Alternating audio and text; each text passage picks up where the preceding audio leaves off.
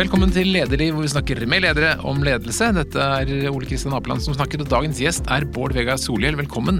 Takk for det. Hyggelig å være her. Du er leder i Norad, som er Direktoratet for utviklingssamarbeid. Det er vel ikke det du er kjent for? De fleste forbinder deg med politikk, vi skal snakke litt om det også, men jeg har lyst til å starte med starten her. Du er altså en naustedøl. Mm, det er riktig. Det er det ikke mange som vet hva er. Nei, altså, nei det, det, er, det, er, vel de 2800 som bor i Naustdal. Eh, Naustdal er da et sted. Eh, nå en del av Førde, eller heter det Sunnfjord kommune i, uh, i Sunnfjord. Eh, sant, en bitte liten kommune, 10-15 minutter kjøring fra Førde i Sogn og Fjordane fylke. Nå Vestland fylke. Så alt er liksom hele din barneværelse er? Der, merker jeg nå. Nei, men Naustdal er jo fortsatt et tettsted, og jeg bodde i det tettstedet, vokste opp der. Um, ja, bygd på Vestlandet, liksom, med det det innebærer. Eh, godt og trygt, men òg eh, prega liksom, av den liksom, ja, vestlandske kulturen. Eh, Født i Kristiansand, da. Det er det enda færre som vet, men der bodde jeg bare et halvt år. Så jeg har bodd mesteparten av oppveksten min i Er det vemodig at både kommunen din og fylket ditt liksom er borte? sånn navnemessig? Kanskje ikke jeg er den av den vemodige typen. Jeg tenker ikke på det sånn. Jeg, jeg, jeg så mange gode argumenter for f.eks. at Naustdal ble en del av en større kommune sjøl. Og så tror jeg virkeligheten ikke forandra seg så veldig av de grensene. Det, det, miljøet som var i det kommunen er, det de små bygdene er, det vil det være likevel. Så jeg, jeg tror eh, Jeg merker ikke forskjell når jeg er der. Og i Naustdal så fikk du på en eller annen måte sikkert da din første lille lederjobb, vil jeg tro? Hvor var det? I barnehagen, eller? ja, nei, altså Apropos nei, men, uh, Vestlandet da, altså, Jeg gikk faktisk aldri i barnehage. Det er en av de, altså, Apropos endring i samfunnet. Jeg, gikk, jeg vokste opp på 70-tallet. Var det veldig det var, da var det lite barnehage, ja. ja. litt barnehage. Uh, så sånn, uh, For det, sånn Da var det noen få prosent som gikk i barnehage, nå er det noen få prosent som ja. ikke gjør det. Det har vært et utrolig skifte. Jeg mener det var tidlig på 70-tallet bare noen helt få prosent, mm. og nå er vi på jeg tror over 98 mm. deltakelse i barnehagen. Eh, men eh, ja, jeg, eh, jeg, Det var jo der jeg gjorde det sant, i virkeligheten små lederjobber i et klasserom etter hvert på videregående. Jeg, jeg fikk mitt første politiske verv òg. Leder av, av lokallaget i Sosialistisk Ungdom. Ja. Hvordan fikk du det? Altså, at jeg, ble, at jeg ble politisk engasjert, var ikke tilfeldig. Det tror jeg på mange måter jeg må ha hatt i meg en sånn blanding av av riktignok altså av ikke politisk engasjerte foreldre sånn i, i Famberg, men, men, et politisk hjem, altså et sted der det blir diskutert samfunnsspørsmål, og personlighetstrekk og ting. Men at jeg ble med i Sosialistisk Ungdom, SV sin ungdomsassosiasjon, det var mange måter tilfeldig, vil jeg si. Det var, eh, altså, det var liksom noen jeg kjente, noen kompiser meldte seg inn, og, og ei jente jeg syntes var veldig søt, husker jeg, som var liksom litt sånn drivkraft for det, og så bare sklei jeg dit. og og det kunne like gjerne blitt at jeg bare ble en sånn som var engasjert, men gjorde andre ting. Eller, eller AUF, eller liksom Natur og Ungdom. Men det var liksom det miljøet som var. Mm. Og jeg, jeg, tror det er mange sånne historier, da, skjønner du, der hvilken side jeg havna på, og hva jeg ble opptatt av verden og sånn, det er ikke tilfeldig. Men akkurat hvilket løp det tok, det var faktisk ganske tilfeldig. Hvilke saker var det som du brant for da? Det var en blanding av det store og det lille. Jeg, jeg Eh, det, det, er ingen tvil om at sant, du tenker deg tida her, det er slutten av 80-tallet, at uh, apartheid og Sør-Afrika og hele det som dominerte den internasjonale dagsorden voldsomt, var en enorm driver for meg. Og Det var jo en, en sant, det foregikk i Sør-Afrika, men det kom hit gjennom diskusjonen om olje og, og shipping osv., som òg ble en diskusjon i Norge. Uh, uh, den første intifadaen, som det heter, Palestina-spørsmålet, sånne type store globale ting, men òg det lokale. altså Jeg husker for at vi, var voldsomt kritiske til mangel på kollektivtrafikk i Naustdal og mellom Naustdal og Førde. Som jo var, altså en tungsolgt sak. det, det, var det.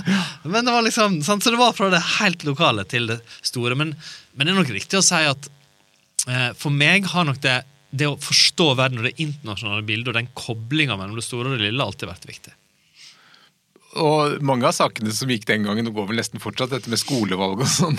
Ja, altså, sant, noen ting er vi altså, det, det, Noen ting får faktisk en, eh, altså en store framganger òg. Apartheid i Sør-Afrika ble avskaffa noen ja. år etterpå, selv om landet har utfordringer. Andre ting eh, deprimerende bestående. Eh, så po politikken har jo det så ofte at de store verdikampene og mange spørsmål liksom bare fortsetter å gå med litt nye innpakninger.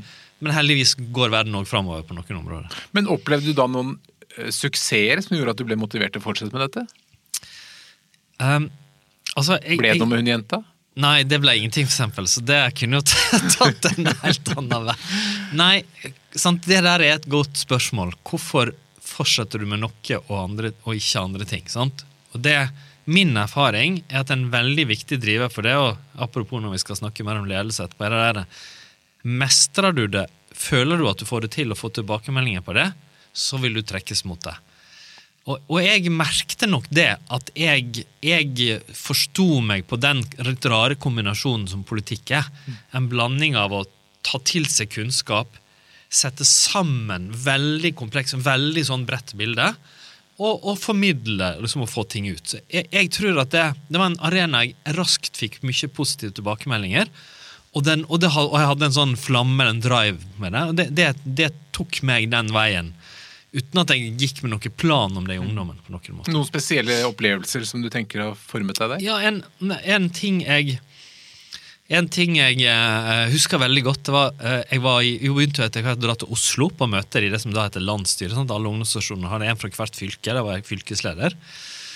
Og så kommer en av de liksom lederne og sagt at du skal ikke stille til sentralstyret. Du har bare, sentralstyret, det var jo liksom det president i USA neste, på en måte. Og, og, og mitt som bare var Jeg føler ikke at jeg er flink nok. Og da, og da husker jeg bare Hun lo ikke på en arrogant måte, men på en sånn måte du bare skjønner at jo, du er flink nok. Og det, sånn, det lille øyeblikket kan jeg huske sånn. Og så kan jeg huske Og så kan jeg huske saker og ting. En opplevelse, en politisk opplevelse som forma meg enormt, var jo Murens fall. Du sa sånn, du har sånn generasjonsopplevelse. Da var jeg 18 år ble, sant, når det skjedde. Eh, og jeg tror at det dro meg nok meg i en sånn litt sånn frihetlig retning, da, i min måte å tenke på. Blei mer liberal enn jeg har vært. Mer, mer, veldig skeptisk til kommunismen og til eh, overgrep fra stater. Og, og veldig liksom, Det påvirka meg enormt som person, men, men bidro veldig til engasjementet mitt. Så, så, ja, to forskjellige typer opplevelser. Mm. Så, men du fikk jo en veldig fin politisk karriere. Du ble statssekretær, du ble miljøvernminister, kunnskapsminister, altså under, under Stoltenberg alt sammen. Hva, hva, er de beste minnene fra, fra, den tiden på toppen? Altså, for det første så vil jeg jo Jeg må si jeg vil reklamere veldig for det å være politiker, som jeg har slutta. Sitter det liksom en eller annen 19-åring nå og hører på, så bare har du et engasjement, gjør det. Det er fullt av fantastiske opplevelser. og og et privilegium å få påvirke. I mange år så var det, det alle menneskemøtene, eh, alle skolene jeg besøkte, bedriftene, eh, de frivillige organisasjonene, alle reisene internasjonalt, alt det en, en enorm sånn, det er sånn en enorm læring. En utrolig sånn, du får, du får sett Norge, forstått Norge, eventuelt verden, hvis du som jeg jobber mye med utenrikspolitikk. Så, så jeg, jeg hadde lyst til å legge igjen bare det, liksom den opplevelsen å være det. Mm. Og så tror jeg at um, For meg så var noe det å kunne være med å gjennomføre ting, da, sette ting ut i livet, ble viktig. Og, og en, noe, som, noe, som, jeg merkte raskt at det dro jeg mot, å få til løsninger. Eh, nå I dag har, eh, har man leksehjelpordninger på alle norske skoler. Det innførte jeg. Satte opp først. Jeg er egentlig veldig stolt av det, for å være helt ærlig. Ikke alene, sammen med andre, men likevel. Um, Åpna flere, Tre nasjonalparker ble oppretta den tida jeg var miljøvernminister. bare for å nevne altså, Det går ikke rundt å prate om dette, men sannheten er at sånn, det å ha gjort noe, fått til noe, og litt sånne sakte, lange ting der bare jeg sammen med andre har vært en del av, som barnehage eller klimaforlik, det var med en, en, viktig nok del for meg liksom, for, å finne sånn fortsatt motivasjon. Men det er vel noe sannhet med politikk at man kan jobbe ganske lenge uten at man egentlig kan huke ja. av at man, det har jeg fått til? Veldig få politikere har vært med på sånne og hatt veldig sentrale sånne supersentrale ting som preger hele samfunnet. Altså, ta en røykelov, da. Mm. Eh, eller skjønner du, en liksom pensjonsreform. Mm. Og, og, veldig mange opplever jo å kunne for være i opposisjon det mesteparten av tida. Så kanskje, ja, kanskje bidra til ett forlik her og en, ulik, en ting der. Og, og jeg det, det er veldig viktig å ikke tenke på politikk bare som de der tingene du liksom kan kvittere. Det gjorde du, eller på. Sant? Eh, for politikk er en brei prosess. Retningen du dro det i, eh, bidragene du gjorde i en høring, eh, det du, fikk, det, det du var ombudsmann for mange små saker der du bodde, det er òg en viktig del av den demokratiske prosessen. og og jeg bare det å være representant, å være folkevalgt for mennesker, være der representant, fylte meg alltid med en sånn stolthet da, mm. å, å, ha det vervet. Hva føler du at du lærte om ledelse i den perioden? Altså, På mange måter har jeg jo lært det aller viktigste, meste, om ledelse. Men eh, sant, i et miljø, politikken, som ikke har sin styrke i ledelse i det hele tatt. Eh, så jeg, jeg, jeg så, så en del dårlig ledelse. Eh, jeg gjorde en del dårlig, jeg gjorde, utførte en del dårlig ledelse sjøl. Så jeg hadde liksom klart det er veldig fornøyd på en måte at jeg klarte å lære en del av det. Mm. På, på, hvilken måte var du dårlig, tenker du? Nei, kanskje mye det. For eksempel at, ble, at jeg ble jo kasta inn på en måte i lederposisjon. Altså, min første sånn litt ordentlig og vanskelig lederposisjon var at jeg ble det som heter partisekretær. det er sant, De fleste kjenner til leder for partikontororganisasjonen mm. i SV. Jeg var 29 år ingen, hadde jo ingen liksom, forberedelser eller forutsetninger utover mer sånne personlige egenskaper og noe av det politiske. Uh, den, det lærte jeg enormt mye av. Uh, og seinere ble jeg jo da statsråd. Og, folk som blir statsråder i Norge, ganske mange av dem har ikke så veldig mye trening i det. Det er en kjempe, kjempevanskelig mm. lederjobb. Så jeg, jeg tror det er å bli kasta ut i det. Og så gjorde jeg Um, altså, eh, Hvis jeg skal trekke fram én ting som jeg veit jeg har blitt bedre på, som jeg kan ha den hangen enda, det er jo å gå inn i detaljer. Altså, jeg, hvis, liksom, hvis, du plasserer en sak foran meg, og jeg liksom må gå inn, så, går, så, så, så ser jeg små ting Her kan det gå inn i detaljene. Og sånn leder jeg mye. Jeg, jeg, tok, sant? jeg tenkte det å bestemme det å bestemme ting, så jeg tok det som lå foran meg, gikk inn i detaljene. Og altfor mye. Både da jeg var partisekretær, og, og første gangen jeg var statsråd. Eh, det som da skjedde, det var vel først den gangen jeg var statsråd, jeg, jeg forsto sjøl, litt under perioden, men mest etterpå, at det, at det var feil. Jeg, det var akkurat som jeg Dels var det fordi jeg hadde en utrolig flott departementsråd, Trond Fevollen, da pensjonert, en mangeårig departementsråd, som jo turte å bare si det til meg på en høflig og ordentlig måte. Lærte meg litt det. Litt så skjønte jeg det sjøl, for jeg så jo at tida mi ble dratt i ulike retninger, og hvor irritert ble jeg sånn, videre. Eh, og så har jeg klart gradvis å justere det, og min viktigste ting nå, enda gjør jeg feil på det stadig, men liksom det viktigste nå har jo vært å, en blanding av å ha folk rundt meg som, som kan holde i ting, uten at jeg må gå inn i detaljer, og, og bare holde meg unna ting. Mm. bare la det skje. Uh, og, og, så en viktig, jeg, viktig ting jeg òg lærte, og klarte bedre etter hvert, det der som jeg prøver nå, da, det er å styre på retning. Og da må, Ofte er det jo sånn at når, når, du vil ha noe til, og det ikke blir som du vil, så er det jo ikke vond vilje. Det er fordi du ikke har klart å, å forklare eller at retningen ikke sitter, og det ikke har vært uttalt trygt nok. Mm. Så jeg bruker veldig mye tid på det. da, Å kommunisere, forbedre kommunikasjonen, jobbe fram hvor skal vi? Hva er det jeg mener? Hvordan tenker jeg? Hva slags type retning vil jeg ha? Hvordan vil jeg ha tingene som etter meg?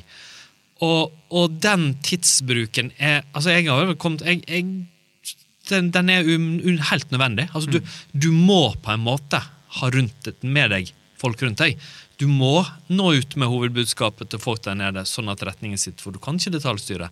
Og du, og du må ha en gruppe rundt deg som som forstår enda mer. Det, det, og det, det, er mye mer mm. effektivt. Men Hvordan gjør du det på en god måte, det å sette retning? ja, nei, sant, hvordan gjør jeg det? liksom, jeg, altså, for det første så uh, Sånn som nå i Norad altså, jeg, jeg, holder mye allmøter. Og jeg holder nå som nå legger jeg ut videoer og skriver Jeg, jeg kommuniserer mye bredt. Fordi, og av og til kan det være et spesifikt budskap.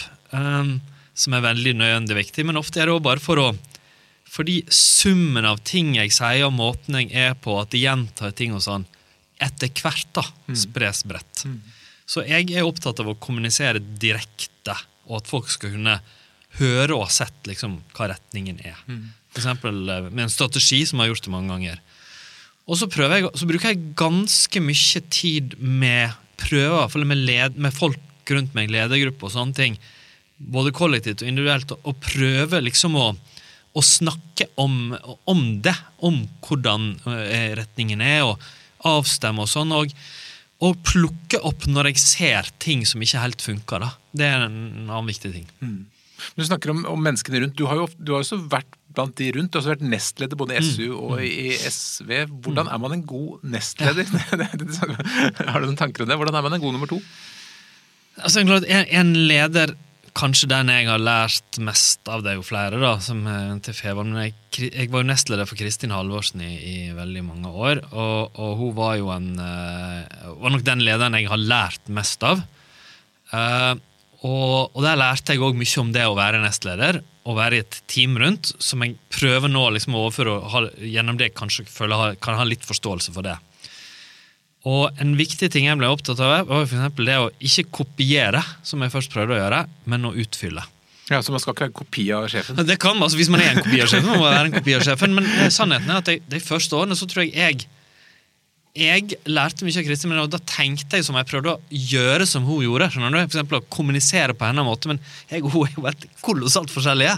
Altså, jeg, det funka jo ikke for meg å, å, liksom være den. Eh, jeg har ikke de egenskapene, men jeg har andre egenskaper. Uh, så det, det, det gjorde jeg. Og så, etter hvert så Hun har veldig mange styrker, så noen ting var ikke like god på. Og noe av det kunne jeg og andre utfylle. Så da ble jeg, jeg tror, mer opptatt av det. da, Gå etter den utfyllinga. Mm. Og, så, og så må jeg si òg at jeg eh, Altså, jeg ble jo veldig opptatt av lojalitet, men, like, men uh, ja, og det, når vi samarbeida godt, og vi var en liten gruppe der, når det var på sitt beste, var når, når det var blitt sånn at det, altså, Jeg tror at hun alltid stolte på min lojalitet, og så kunne jeg likevel si veldig klart fra. Det her er, det her er, eh, det her, du gjør det her feil, gjør sånn, eller prøv det, eller det her er jeg uenig i. Mm. Og det, det, er ikke så lett. Det er ikke bare å bestemme seg for en sånn kombi. Men jeg, fungerer, jeg ser sjøl òg som toppleder at jeg det fungerer best når jeg har den kombinasjonen. Mm. At du har en, en energi og et fellesskap Jeg vet det er en lojalitet der. Og så klarer jeg da å få folk til å si fra òg, på en måte. Det som ikke funka. Du gikk ut av politikken da i 2017 og hadde litt sånn tenketid og sikkert etterlønn og sånn, og lette deg etter en ny jobb. Mm. Var det klart for deg da at det var en lederjobb du skulle ha?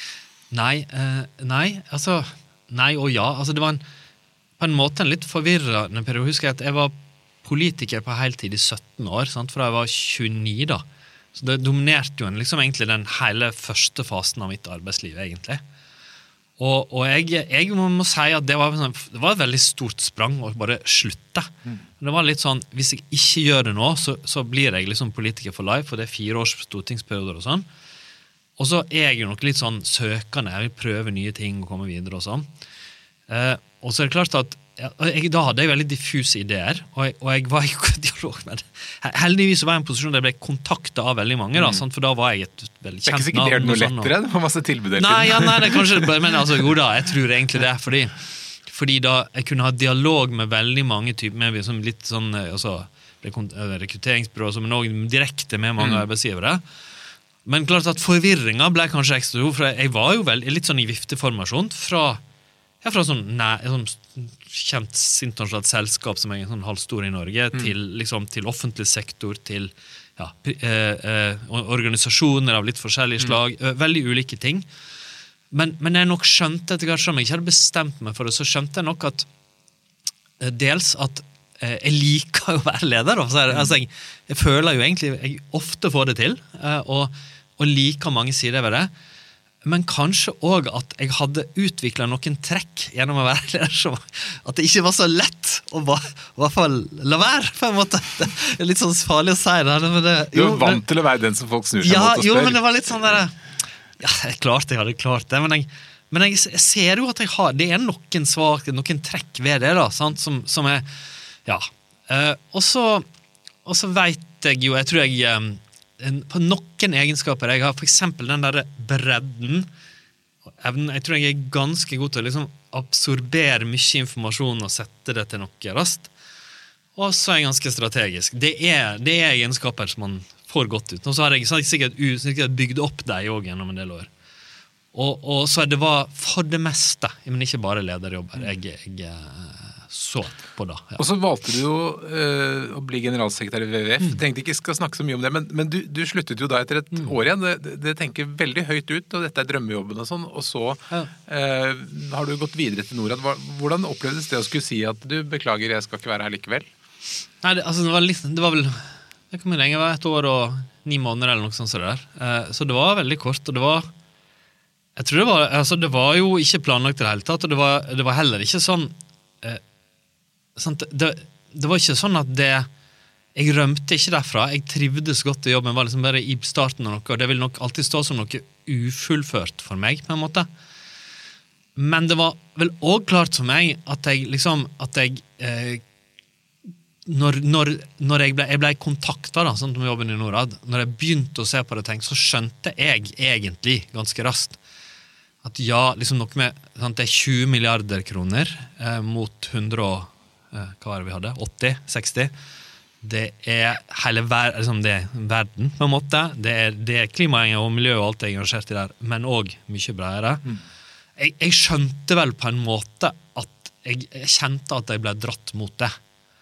Og så var det, det, var jo eh, Kanskje litt dårlig gjort der og da mot WWF. Altså det, jeg, Kjente du på det? Hadde du dårlig ja, litt. Det gjorde jeg. Men, men, altså, ikke verre enn at jeg bare gjorde altså, Jeg kan nok være sånn av og til at jeg kan skjære gjennom og si ok, jeg gjør det. Jeg, nå tar jeg det steget, litt som jeg slutta med Stortinget. Um, og så ble du sjef for Norad. Og det er ikke ja. alle som kjenner Norad. Beskriv organisasjonen ja. veldig grovt. Altså, Norads jobb er på en måte å sette penger i arbeid for, i bistand, norsk bistand. Regjeringen bevilger, og ca.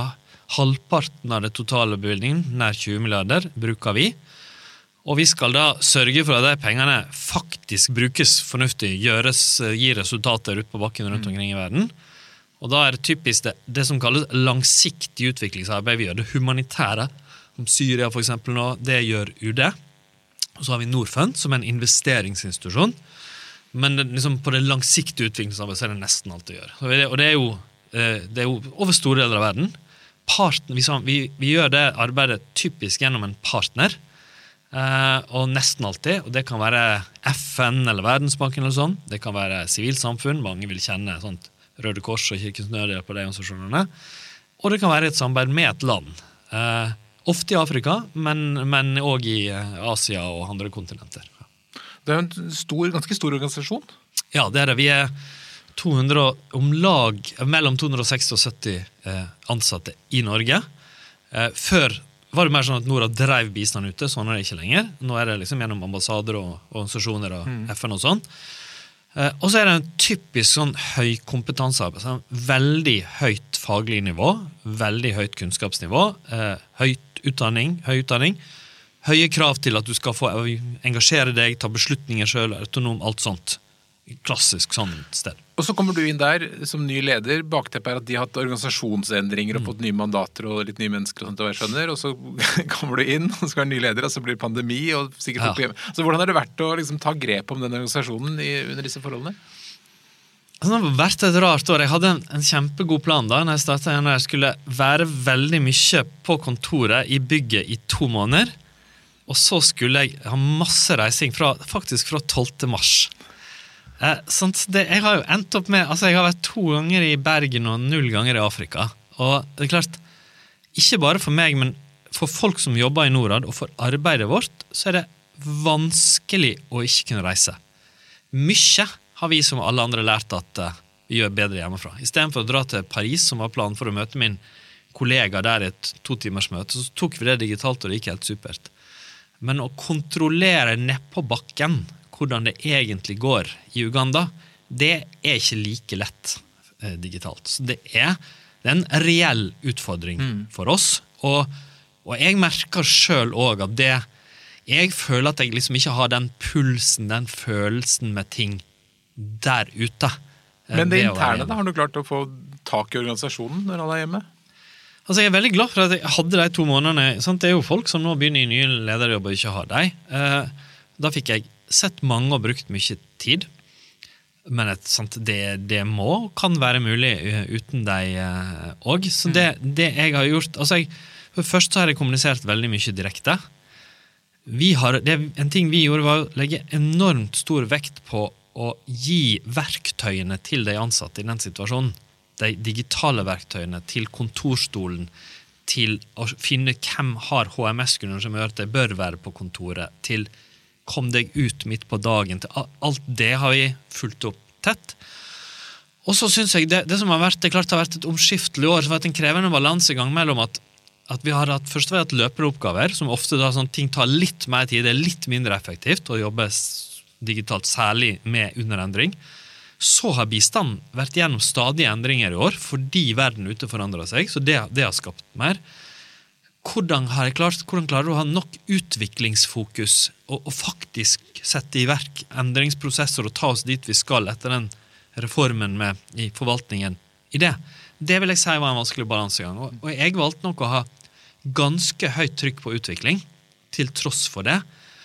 Og det, jeg tror det var nok inne, særlig sett, det var nok en litt sliten organisasjon før jul. Uh, men jeg tror det var veldig riktig å gjøre det. Og, og Som ikke at alt som er normalt, men å faktisk jobbe med framtida og, og, være i det, hvordan utvikler oss. F.eks. en veldig stor og involverende strategi, strategiprosess.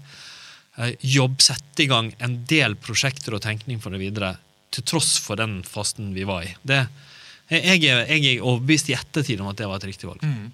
Men når du inntok den lederrollen, hadde du en sånn veldig klar tanke om du, hvordan du ville være for de ansatte? Hva slags Norad-sjef du skulle, skal være? Mm. altså, liksom, det sanne svaret er jo litt nei. Sant? Jeg, jeg har f.eks. ingen sånn min, min, måte å lede på er nok litt hjemmesnekra. Veldig bygd på erfaringer og, og, og, og ting. Eh, men jeg hadde et, si, et, gjennomtenkt syn på hva Norad var, og hva jeg ville kommunisere og ville. Eh, jeg, eh, den tilgjengeligheten, for eksempel, det å bruke mye tid Jeg, jeg brukte to-tre dager på å gå etasjene og organisasjonene og hilse på hver medarbeider. Det kan høres absurd mye ut, men ja, i det livet vi har nå, så tror jeg det var en veldig veldig uh, lur ting å gjøre. Mm. Det er jeg opptatt av. Synlighet, tilgjengelighet jeg, slags, jeg ser på det som en investering egentlig i å få til retning. Um, en annen ting var jo mer sånn jeg, jeg, visste noe om retning og hvor vi skulle, som står, skulle, som står, eh, skulle hen. Allerede første gang jeg møtte alle medarbeiderne, før jeg starta, så sa jeg, eller brukte et slags slagord som jeg er opptatt av, at fakta skal ha makta. Altså, som jeg blei veldig opptatt av i politikken, som ikke alltid er like synlig der. At du faktisk må bygge på den kunnskapen du har, og prøve å ta den i bruk. Og det, og det bruker jeg og vi enda, på en måte. Som en sånn lede, ledesnor for Å ha dyp kunnskap og forstå hvordan vi bruker penger som, i noe som er veldig komplekst for å gi mm. resultater. Så jeg, så jeg, vil si at en del ting visste jeg, mens andre ting har jo da ja, du, du må på en måte bruke Det er veldig viktig tror jeg, å, å bruke de første månedene eh, Eh, eller egentlig mer kanskje kontinuerlig. Liksom, der klare å fange opp ting og ta hvor du skulle. Så noen av de tingene vi nå gjør, som ligger i strategi og med retning vi har nå, hadde jeg ingen forståelse for det hele tatt. Det har jeg bare sånn gradvis fanga opp og forstått. Det er et stort ansvar. altså eh, Utviklingsminister Dag Inge Ulstein sa du begynte at uh, nye lederne vil trekke de lange utviklingslinjene og levere på de milliardene som Norad forvalter. De skal brukes best mulig for de som trenger det mest. Det er liksom ja. Det, det si, vær så god, her har du 20 milliarder, bruk det best mulig for de som trenger det mest. Det er en ganske stor oppgave. Ja, det føles egentlig sånn. Altså det, sånn politikeren og utviklingsministeren bestemmer hovedretningen, men, men innenfor det Om du bruker dem så godt at vi får virkelig gode resultater, eller ikke, så det, ligger det enormt mange enkeltavgjørelser og, og små tweaker. Mm. Og jeg har vel også gått en retning der jeg har blitt gradvis mer sånn, Når jeg begynte å bli, bli, politisk engasjert, så var jeg veldig opptatt av å mene det rette. Jeg få sagt det. Nå har jeg blitt sånn veldig opptatt av skjer det faktisk der nede. Mm. Og det er jo egentlig det vi driver med i et komplekst landskap med veldig mye penger. På det beste. Eh, det vi nå har mye på global helse, vaksinering av barn enorme framganger noen tiår, som Norge har vært helt sentral i. Eller det som kalles skatt for utvikling. Vi bidrar til å bygge opp skattesystemer i fattige land så de sjøl, uten å heve satser og som bare kan faktisk få inn pengene. Tanzania eh, er det vel vi har regna ut at vi, vi, har fått igjen De har fått igjen hundregangen av det vi investerte der. Eh, men andre ting eh, litt vanskeligere å lykkes med. Krevende stoff. Og, og det, ja, jeg merker en veldig motivasjon i det. Så mye penger og så viktig arbeid. Forskjellen på godt og dårlig er ganske stor. Mm. Dette er jo et stort område som de fleste har sikkert kan så veldig mye om. Mm. Hva er de vanligste mytene som du gjerne skulle ha knust når det gjelder uh, uhjelp? Altså uh, I Norge er jo oppslutningen om uh, utviklingshjelp eller, eller, bistand veldig stor. En enorm støtte. Men, men så, i motsetning til andre land Jeg leste nettopp sant, USA, som gir, bruker under 1 av budsjettet på bistand Gjennomsnittssvaret når man spør i en meningsmåling hvor mye av det føderale budsjettet går til bistand, er 25 Så det er, liksom, det er enormt sprik. Men noen ting vi kanskje her òg, da, som er det for første er at jeg tror at altså, veldig mange tror at bistand går direkte til ledere i land, f.eks. da i diktaturer med despoter som ledere. Mm. Og Svaret er jo at når vi gir bistand der, så er det stort sett alltid gjennom humanitære organisasjoner og andre kanaler, og aldri direkte til en, en despotisk leder som, eh, som uh, tar livet av folk. Um, en annen typisk uh, myte om bistand kan være at uh, det, liksom, det, er like fattig uansett ingenting skjer. hvis du ser på framgangen i verden den siste generasjonen, så er det all, Vi har aldri vært i nærheten av noen ekstrem fattigdom. Jeg har gått ned fra ja, 2 milliarder til 600-700 millioner. Barnedødelighet stupa. Det er på ingen måte bare pga. bistand, men veldig mye det. Ja, tredje eksempel på en myte. da er mange tror at det er enormt mye næringslivsinvesteringer fra Norge til fattige land og lite bistand. Til de aller fattigste landene så er det mye mer bistand enn næringslivsinvesteringer. For eksempel. bistand er mye viktigere. Ja. Har vi blitt mye flinkere enn vi var for eh, en generasjon siden? Ja, jeg tror det er liten tvil om at vi er eh, dyktigere på å drive bistand i dag, selv om vi har langt igjen for å være gode nok. Eh, veldig viktig ting er f.eks. at vi, vi ikke drar Vi sender ikke norske ingeniører ut og bygger skolen, og så drar vi hjem igjen. eller sånt, Konseptet er endra. Nå er det å eh, vi, vi, vil ikke sette i gang noe som det ikke er interesse for eierskap i landet vi samarbeider med. Og det er istandsetting mer enn å gjøre ting. Og så vet vi mye mer om måling av resultater. Um, ta en ting vi skal begynne med nå, da, som en sosiale sikkerhetssett kontantoverføringer. Eh, sånn vi vet fra Norge med pensjoner og barnetrygd hvor viktig det er. Sånn start litt av en velferdsstat. Mange land har det. Her har vi omfattende faglig grunnlag for hvilke måter å gjøre det på som fungerer, og hvilke som ikke fungerer, og hva som må til. Og at det er en veldig effektiv og ubyråkratisk måte å få penger ut til de aller fattigste, og at de i hovedsak bruker det på det mest elementære, mat og helse osv. Men er det slik da at land som har behov, øh, prøver å selge seg, nærmest si, tigger mot Norad? Ja, så jeg tror Ordet tigging er feil, men jeg, men jeg skjønner eh, Og det, ja, visst er det det. det. Det er veldig mange land som tar kontakt. De tar kontakt med politikerne, eh, utviklingsministeren og andre. De tar kontakt direkte til Norad. Det er naturligvis helt vanlig. Og og, og hadde, vært, hadde, vi kunnet reise til internasjonale konferanser og, så videre, og møter, så hadde det sikkert vært enda mer vanlig. Så det, sånn er det. Jeg, jeg, jeg, reagerer ikke nok på det. Jeg tenker at det, det er lov å, å, lage et godt konsept, en god idé, og prøve å få det finansiert. Så er det vår rolle å, å kritisk vurdere hva er, hva er det substans i hva har den dybden måte, som trengs for at det skal bli noe av, og, og, hva følger den politiske strategien som vi er satt oss til å gjennomføre. Mm. Jeg husker fra jeg ser litt på skolen hadde sånn gruppearbeid med, ja. med, med brosjyrer fra Norad. Da var det noen få land som var sånn hovedsamarbeidsland som mm. ga veldig mye penger. Mm. Er det fortsatt sånn? Ja, nå kalles det partnerland, eh, og så er nok ikke så kjempeforskjellig. Det er riktig, det er 16 stykker. Og eh, litt, i litt ulike kategorier. Sant? Noen får mer humanitær bistand, eh, eh, konfliktgjenoppbygging, eh, men brorparten av dem får langsiktig samarbeid. Eh, og der er litt av ideen òg at Norge skal være en langsiktig partner for dem. Eh, der vi stille der, der, der vi kan bygge opp relasjoner der vi kan uh, måle, vurdere resultater uh, og, og, kunne jobbe over litt tid. For husk, sant, det her er jo de tingene vi jobber med. da. forbedre utdanninga, for flere jenter på skolen, som statsministeren og regjeringen er veldig opptatt av. Endringer til det Det skjedde jo ikke i Norge over natta at vi bygde opp et godt skolesystem. skjedde over lang tid, Og sånn er det i mottakerlandene òg. Og det apropos du spurte om myter i sted, kanskje den der utålmodigheten, da. Den der følelsen av at ja, ja, det gir penger og ordne noe. Mm. Men nei, det er ekstremt sakte prosesser som går over tiår og kanskje lengre tid, og som bare vi har vært igjennom, som, som det ofte vi jobber med. Er det eh, noen trender i, i, i, bransjen din som preger måten dere jobber på? Ja, La meg nevne noen ting som jeg syns er viktig. Um, hvis vi skal nå de såkalte bærekraftsmålene, som jo er en viktig ramme for uh, Norads arbeid og norsk politikk nå framover, og viktig leder av næringslivet, uh, så kreves det bistand, men det kreves enda mer private investeringer globalt. Og, og det, det, mangler ikke på, egentlig på globale investeringer, men det mangler på det i de aller fattigste landene og i mange mellominntektsland. Og det mangler på viktige områder. Ta energi, for å nevne et eksempel. Fornybar energi.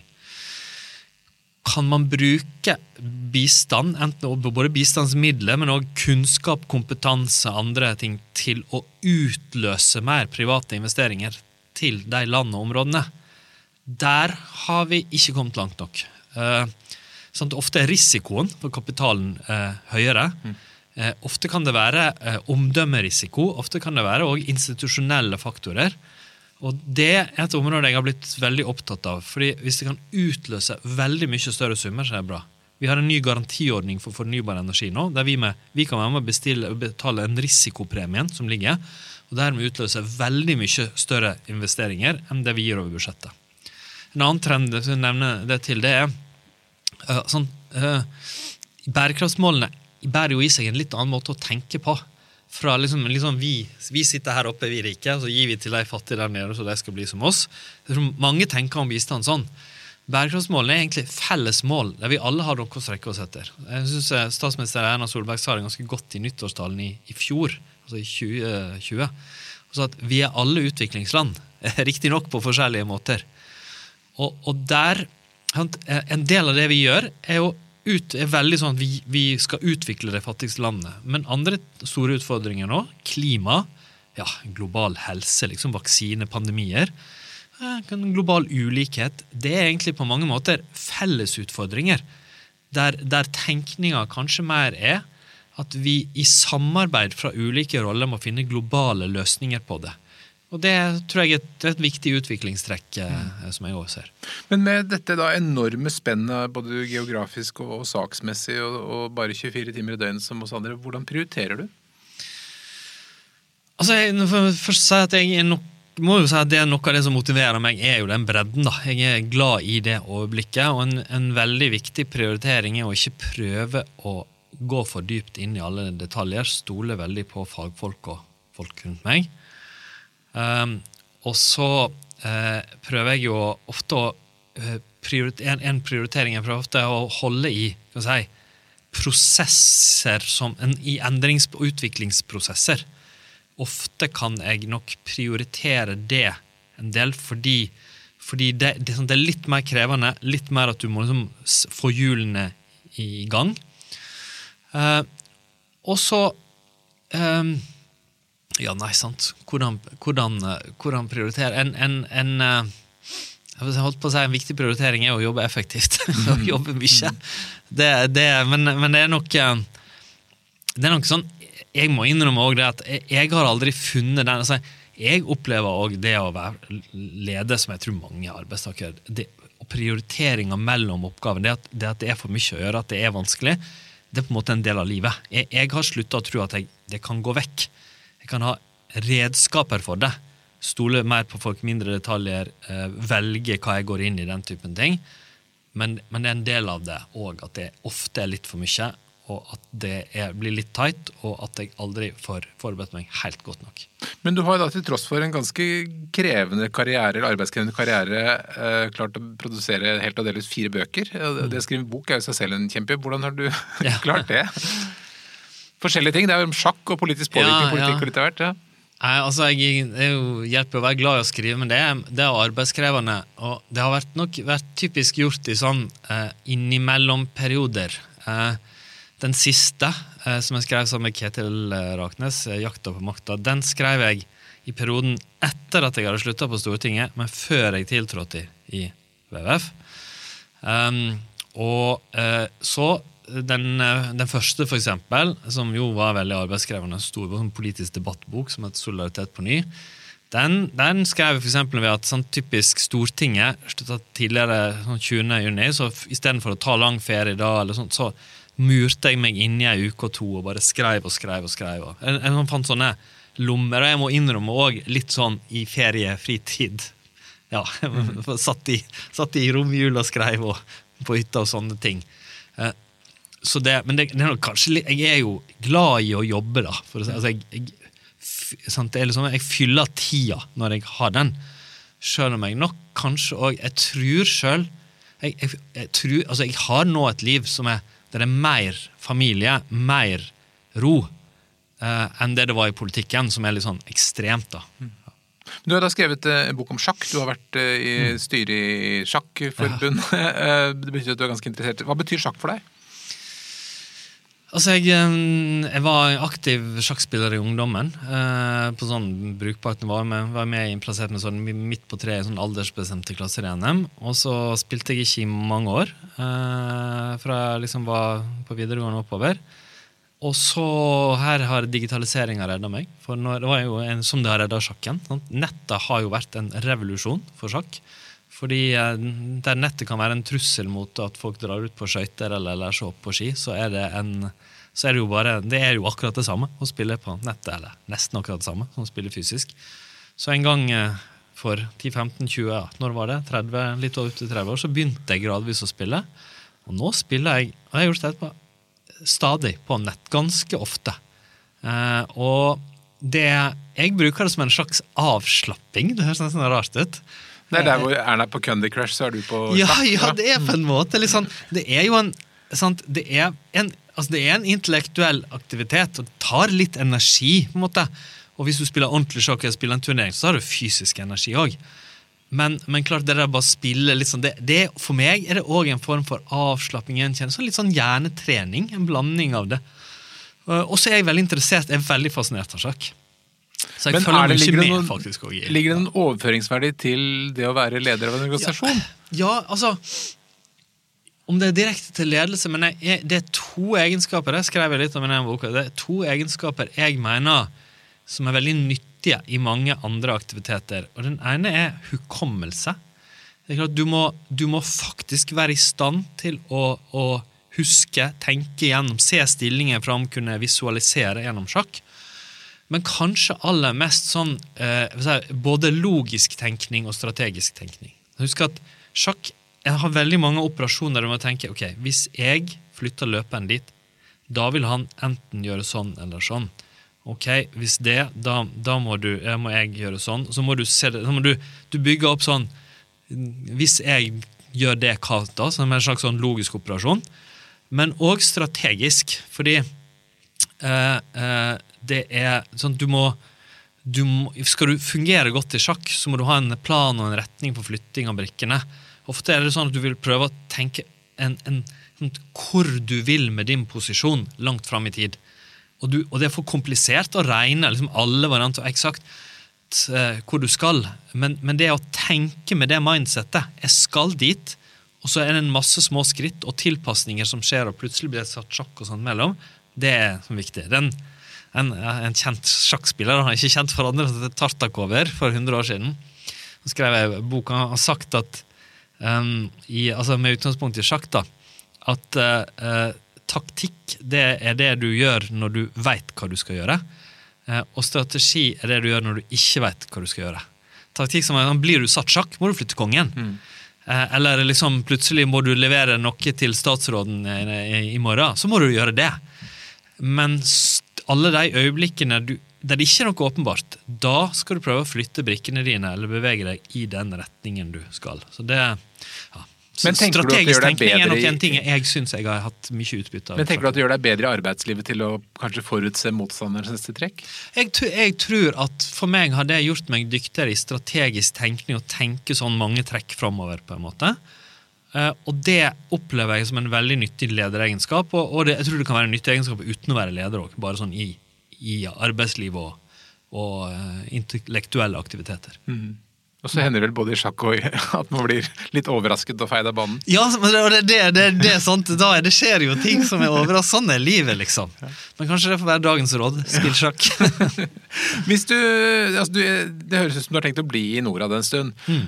Hva vil du få til i den perioden du er der? Hvordan skal det se ut når du forlater skuta?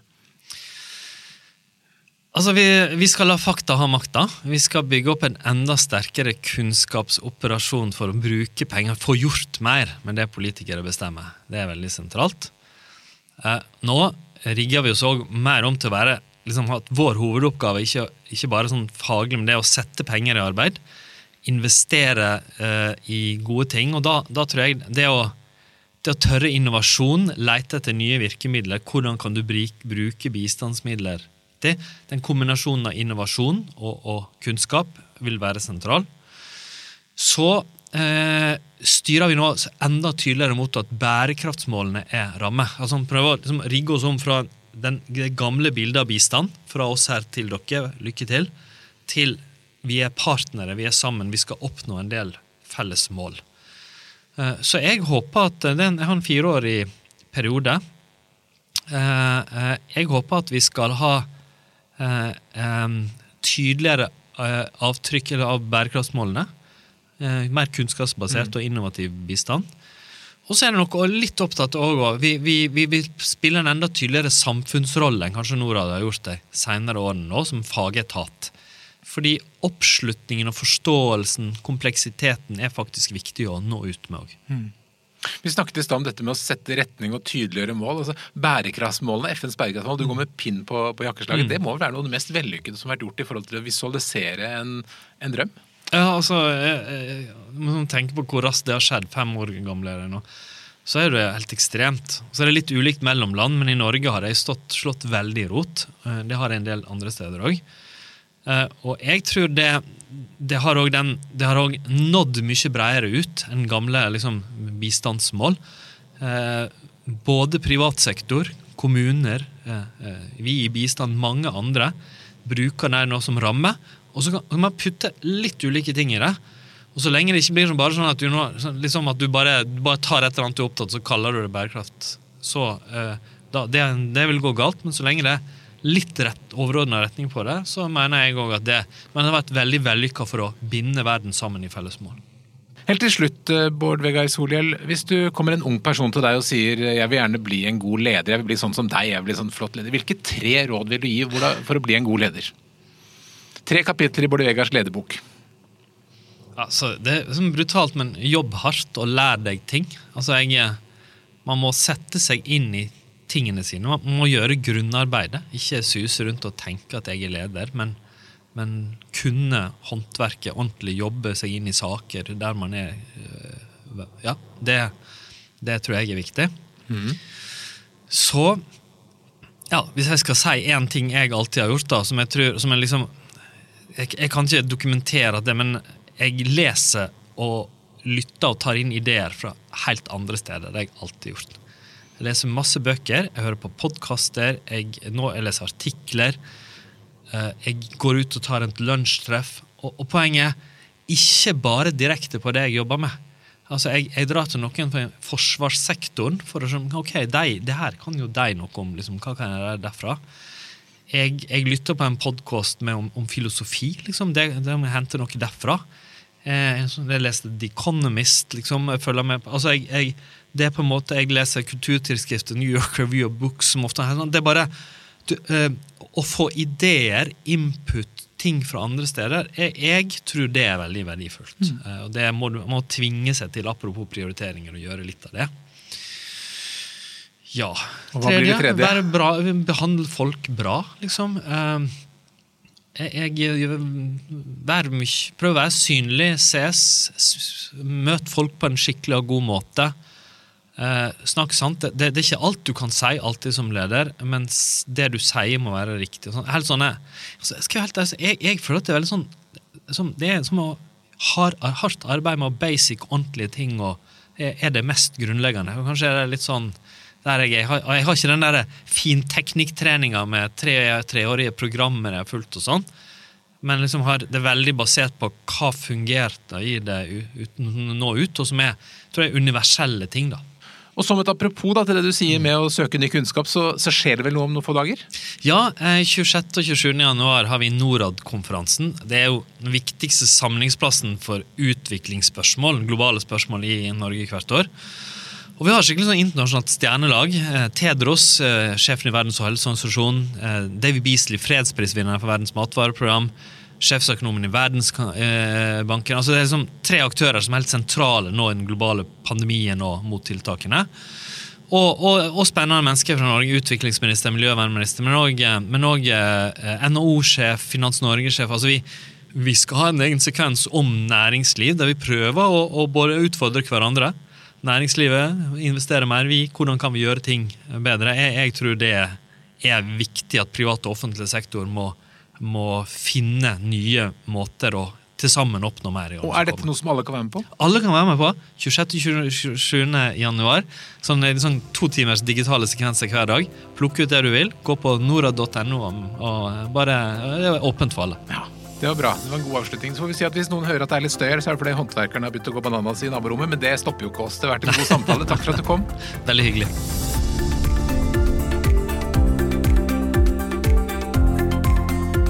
Ledelig var en podkast fra Apeland. Redaksjonen består av Ellen Paulsen, Lars Jarle Melum, Lars Volden meg, som heter Ole Kristian Apland. Hvis du vil høre mer, så trykk abonner. Da får du varsel når det kommer nye episoder. Og hvis du har noen tips, så send en e-post til tips at eller til meg, ole.apland.no. Takk for at du lytter.